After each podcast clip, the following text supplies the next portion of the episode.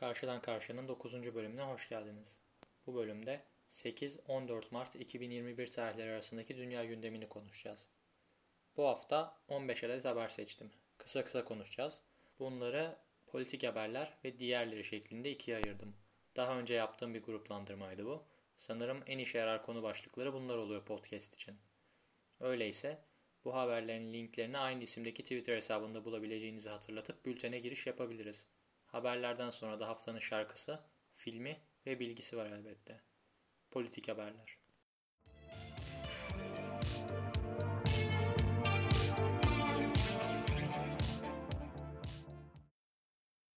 Biden koltuğa oturdu oturalı ilk elle tutulur, gözle görülür icraatini gerçekleştirdi. 1.9 trilyonluk bir Covid yardım paketi. Tabii çok günü kurtarmalık bir paket bu. Vatandaşların nakdi yardımın yanı sıra çocuk yardımları ve çiftçilere destek gibi maddeler de var pakette. Fakat bunların tümü kısa sürelik, ağza bir parmak bal çalmalık adımlar. Yani sosyal devletin genişletilmesi namına uzun vadeli, anlamlı bir toplumsal reform ya da aklı olan her insan tarafından gerekli görülen gelir vergisi gibi uygulamalar halen pek çok Amerikalı yöneticiye öcü gibi geliyor. Böylesi beklentiler derhal kışkışlanıyor. Bu paketle beraber Elidar'daki pek çok işçi Amerikalıya 1400 dolarlık bir yardım çeki gönderilecek. Bu yardım çekleri olsun, çocuk yardımları olsun ya da çiftçiler olsun yaklaşık 280 milyonluk bir nüfusun bu yardımlardan faydalanacağı belirtiliyor. Biden'ın seçim döneminde bu meblağ için 2000 dolar dediğini de unutmayalım. Buradan kısmış öncelikle. Ama tabi bunun için savunma yapması kolay. Önceden de 600 dolarlık çekler dağıtıldı falan filan. Fakat elbette bu paket çok mühimdi çünkü insanların net olarak ihtiyacı vardı. Elbette Amerika'da toplumun ekseriyeti fark etmese dahi çok daha büyük değişimlere ihtiyacı var. Fakat dünya masumu bu ekonomik yardım paketinin bile Cumhuriyetçi seçmenler tarafından yalnızca %59 oranında desteklendiğini söylemek gerek. Yani bir şeyleri değiştirmek Amerikan toplumundaki kapitalist ahlak dolayısıyla çok kolay değil. Tabi aynı hafta içerisinde bir tarafta da Amerika, Amerika olmaya devam etti. Almanya ile 1.77 milyar dolarlık bir silah satış anlaşması imzalandı. Savaş uçağı, radyo sistemleri ve küresel koruma sistemlerinde bulunduğu paketi Boeing hazırlıyor. Böylece Boeing'in sadece yolcu uçağı değil, dandun taramalı silah falan filan yaptığını da öğrenmiş oldum ben. LA Times'da bir makale slash habere rastladım bir de. LA Times, Amerika Birleşik Devletleri'ndeki Güney Amerikalı azınlığa dair sık sık haber yapan bir adres. Bu haberde de eğitim ve sosyoekonomik durumları bir hayli sınırlı olan bu Güney Amerikalı komünitenin aşı olmaya çoğunlukla olumsuz baktığından, buna karşılık bu topluluğun önde gelenlerinin canhıraş biçimde insanları aşının güvenli olduğuna, içinde çip olmadığına dair ikna etmeye çabaladığından bahsediliyor. Özellikle Meksika ve Guatemala diasporasına odaklanan haberde, dil bariyerinin ne menem olduğundan Amerika'daki emek gücünün ucuzluğuna, Amerikan yerlilerinin ekonomik durumlarından kitlelere eğitmenin önemine pek çok konuya değiniliyor. Özetle, kendi ülkelerindeki zor şartlardan kaçıp Amerika'da nefes almaya çalışan insanlar eğitimsiz, fakir ve elbette daha az eşit. Bütün bu meseleleri çözmek için atılması gereken adımlar yine bu komünitelerin önde gelenleri tarafından atılmaya çabalanıyor. Hükümet elinde sistemsel bir kaygı maalesef mevcut değil. Amerika'dan bir haberimiz de New York'un medyatik valisi Andre Cuomo hakkında. Benim alter egolarımdan biri New York'ta yaşayan bir kaykaycı olduğu için benim hayal dünyamı da ilgilendiriyor bu haber. Cuomo, zaten virüs sürecinde özellikle bakım evlerini neredeyse gözden çıkarmasıyla eleştirilerin odağındaydı. Geçtiğimiz haftada da bir başka konuda Cuomo'ya soruşturma başlatıldı. 2016'dan 2020'ye uzanan 4 yıllık dönemde beraber çalıştığı 3 kadın Cuomo'nun kendilerine cinsel saldırıda bulunduğunu iddia etmişti. Bu konuda geçen hafta soruşturma başlatıldı. Şehirde ise Cuomo'nun derhal istifasını talep eden çeşitli yürüyüşler düzenlendiği belirtiliyor.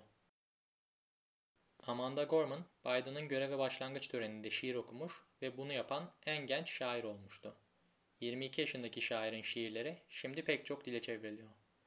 Bu çevirinin Katalanca ayağındaysa Victor Obios ismindeki Shakespeare ve Oscar Wilde çevirileri yapmış olan bir tercüman görevlendirilmişti İspanya'da.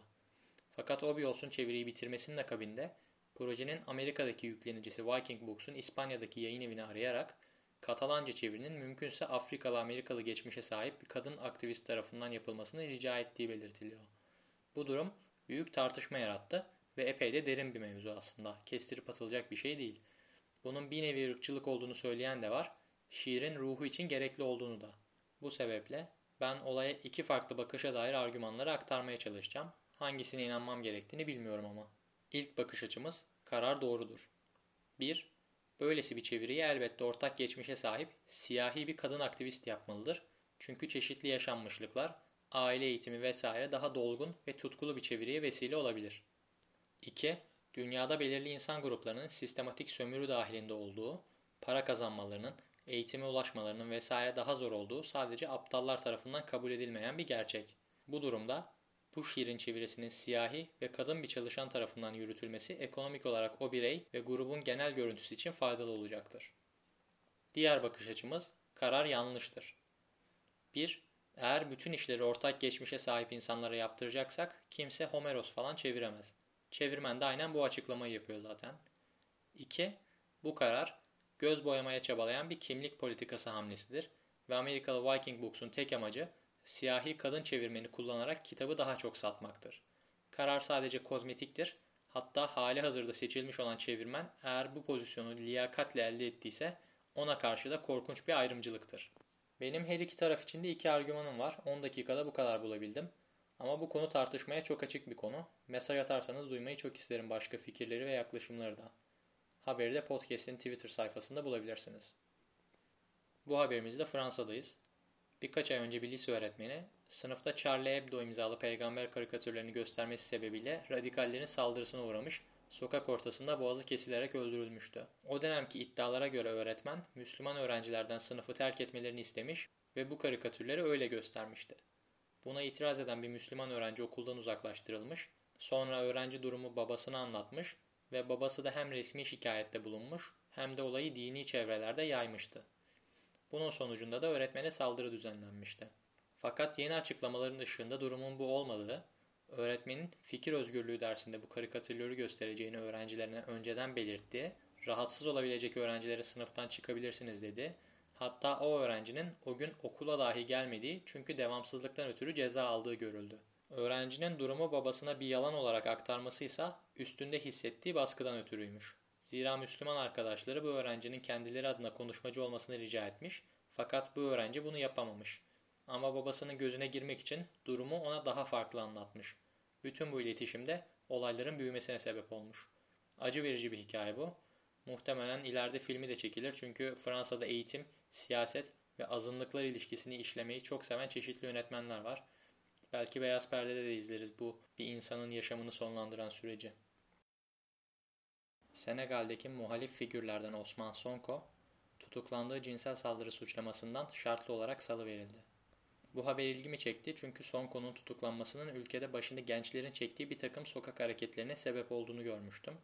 Sonko, toplumda karşılığı olan bir muhalif, bu sebeple tutuklamanın bir çeşit iktidar oyunu olabileceği ihtimali de masada elbette.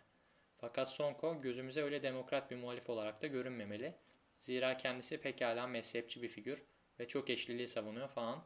Müslüman kardeşlerle de dirsek temasında. Fakat bu habere daha fazla zaman ayırıp Senegal siyasetine çok da dalmak istemedim şu an için. Sadece belki bir dinleyen için ilgi çekici bir gündem olabilir diye paylaşıyorum. Haiti'de de bir hareketlilik var. Muhalefet 2016'da başkan seçilen Jovenel Muaz'ın görev süresinin bittiğini söylüyor. Haiti Anayasası'na göre seçilen başkanın görev süresi 5 yıl ve bu süre her yılın 5 Şubat'ında başlayıp 5 yıl sonraki 7 Şubat'ta bitiyor. Eğer seçim sonuçları 7 Şubat'a kadar kesinleşmezse başkanın görev süresinin bir sonraki 7 Şubat'ta başladığı kabul ediliyor. Fakat şu anki başkan Muaz'ın kazandığı seçimler tekrar edildiği için iktidar göreve 2017'de geldiklerini, muhalefet ise 2016'dan beri gücün Muaz'da olduğunu öne sürüyor. Yani Muaz hükümeti biz bir sene daha buradayız diyor. Muhaliflerse bunu kabul etmiyor. Bu sebeple geçtiğimiz hafta oldukça şiddetlenen çatışmalar oldu ülkede. Bu karmaşık dönemde bir de ülkenin büyük hapishanelerinden birinde 400 kişinin firar ettiği, içlerinde ülkenin en büyük mafya liderlerinden biri de bulunan 24 kişinin ise bu kaçış esnasında öldürüldüğü belirtiliyor. İnfial üstüne infial var Haiti'de. Ve ülkedeki karışıklık sürecek gibi görünüyor. Politika haberlerimiz bitti. Şimdi diğer konularla ya da bence aslında sadece daha az politik olan haberlerle devam edeceğim. Ama geçmeden önce bir düzeltme yapmam gerekiyor. Haiti'de seçilen başkanın görev süresi 5 Şubat'ta değil 7 Şubat'ta başlıyor. Devam edebiliriz.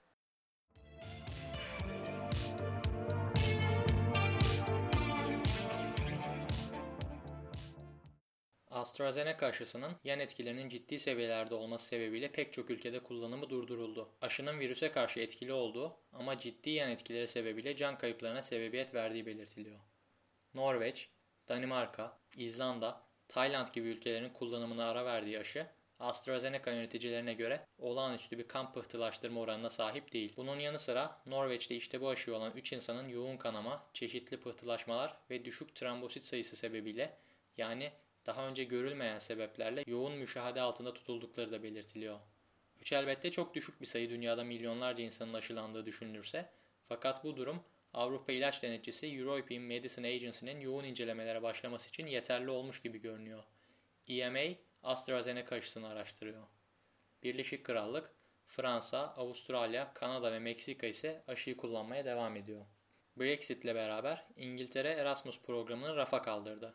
Boris Johnson, Avrupa özelindeki bu sistemin yerine dünyanın her yeriyle öğrenci değişimi imkanı sağlayacak yeni bir projeye 110 milyon sterlin ayırdıklarını, 35 bin farklı okulu kapsayan daha geniş bir program inşa edeceklerini belirtti. Programın ismi Turing olacak. 2014 çıkışlı The Imitation Game'de hikayesi anlatılan İngiliz matematikçi Alan Turing, projeye ismini veriyor. Johnson, Turing'in olabildiğince global bir ağ kurmayı amaçladığını ve İngiltere'deki her gelir grubundan öğrenci için ulaşılabilir olacağını iddia ediyor. Bu arada Alan Turing'in de başarılarla dolu hayatına rağmen o dönemki yoğun homofobi sebebiyle başarılarının asla tam anlamıyla tanınmadığını, isminin onurlandırılmadığını, hatta toplumsal dışlanma sebebiyle intihara sürüklendiğini de söyleyelim. Mark Zuckerberg 10 sene içerisinde toplantılara bizzat katılmamız gerekmeyeceğini, hepsine artırılmış gerçeklik ya da hologram gibi teknolojilerle ulaşabileceğimizi söyledi. Belki hem zaman kazandırır bu durum hem de doğa dostu bir seçenek sunar. Tabi muhtemelen şirketler elinde hoyratça kullanılır. Bir toplantıdan ötekine geçerken hologramdaki kolumuzu bacağımızı öteki toplantıda unuturuz falan filan. Neyse elbette zaman gösterecek. Renault yeni logoya geçti. Onlar da fütüristik ve basit logolara geçme furyasına katıldılar. Aslında zaten kullandıkları logo o kadar da çok detaylı değildi. Rahatsız eden, kalabalık bir görüntüye sahip değildi. Yeni logoları tamamen çizgisel ve monokrom. O tanıdığımız sarı altyapılı gümüşlü logoları artık yok. Yani felaket bir değişiklik değil. En azından Warner Bros. gibi basitleşmek uğruna bütün karizmatik hatları derinliği yok eden yıkıcılıkta değil. Gerçi Warner Bros. logosu kadar detaylı değildi tabii Renault'un eski logosu. Yani kaybedecek çok da bir şeyleri yoktu aslında. Hem Renault'un yeni logosuna hem de Warner Bros'un yeni logosuna aynı isimdeki Twitter sayfasına ulaşabilirsiniz. Son zamanlarda logo değiştiren bir başka şirket olan Peugeot da genel hatlarıyla basitleşmiş ama logonun içindeki detaylardan ve işlemelerden olabildiğince az ödün veren bir görüntüye geçmişti. Bu logo değiştirme gündeminde iyi örnekler de var, kötü örnekler de. Renault'un yeni logosu bence tam ortada. Fakat şu son yıllarda ayyuka çıkan logoları basitleştirelim akımına o tabi lan hadi hemen yapalım diye zıplamanın ters tepme ihtimali de var.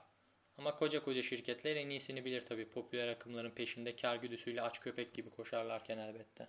Blockchain teknolojisiyle beraber gelen değişiklik sadece paralar üstünde olmuyor. Geçtiğimiz hafta Beeple isimli sanatçı imzalı bir dijital sanat işi 69 milyon dolara satıldı. Bu iş NFT denilen teknolojiyle yalnızca dijital dünyada var.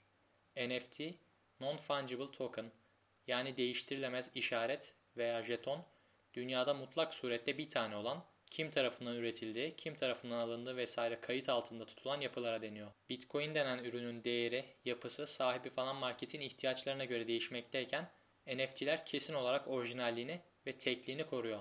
Belirli bir merkezden pasta misali dağıtılmıyor. Yani böyle herhangi bir kağıda rastgele bir şeyler çizersiniz ve o şey dünyada tek olur ya.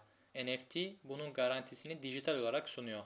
E tabi zenginler için bir nevi de statü göstergesi haline geliyor böylece. Covid-19 ölümlerinin en yüksek olduğu 3. ülke olan Meksika'da halkı maske takmaya teşvik etmek üzere güreşçiler sokağa çıktı. Güreş kıyafetlerini ve rengarenk maskelerini giyen güreşçiler sokakta maskesiz gördükleri insanlara maske verdi. Tatlı bir kamusal çabaya benziyor bu durum. O yüzden görüntülerini ekliyorum Twitter'a. 43 yaşında olmasına rağmen hala Amerikan futbolu oynayan ve müthiş de başarılı olan Tom Brady, Geçtiğimiz sezon kupa kaldırdığı Tampa Bay Buccaneers'la bir sene kalan sözleşmesini uzattı ve en az 2 yıl daha top oynayacak. Geçtiğimiz sezon 50 taş pası attı, Lombardi kupasında kaldırdığı düşünüldüğünde kimse bu adama çıkıp da yeter diyemez gibi. Tarihin şüphesiz en iyisi ve 45 yaşında bile sahada olacak. Bu haftaki haberlerin sonuna geldik. Şimdi haftanın şarkısı, filmi ve bilgisine geçip bölümü bitirelim.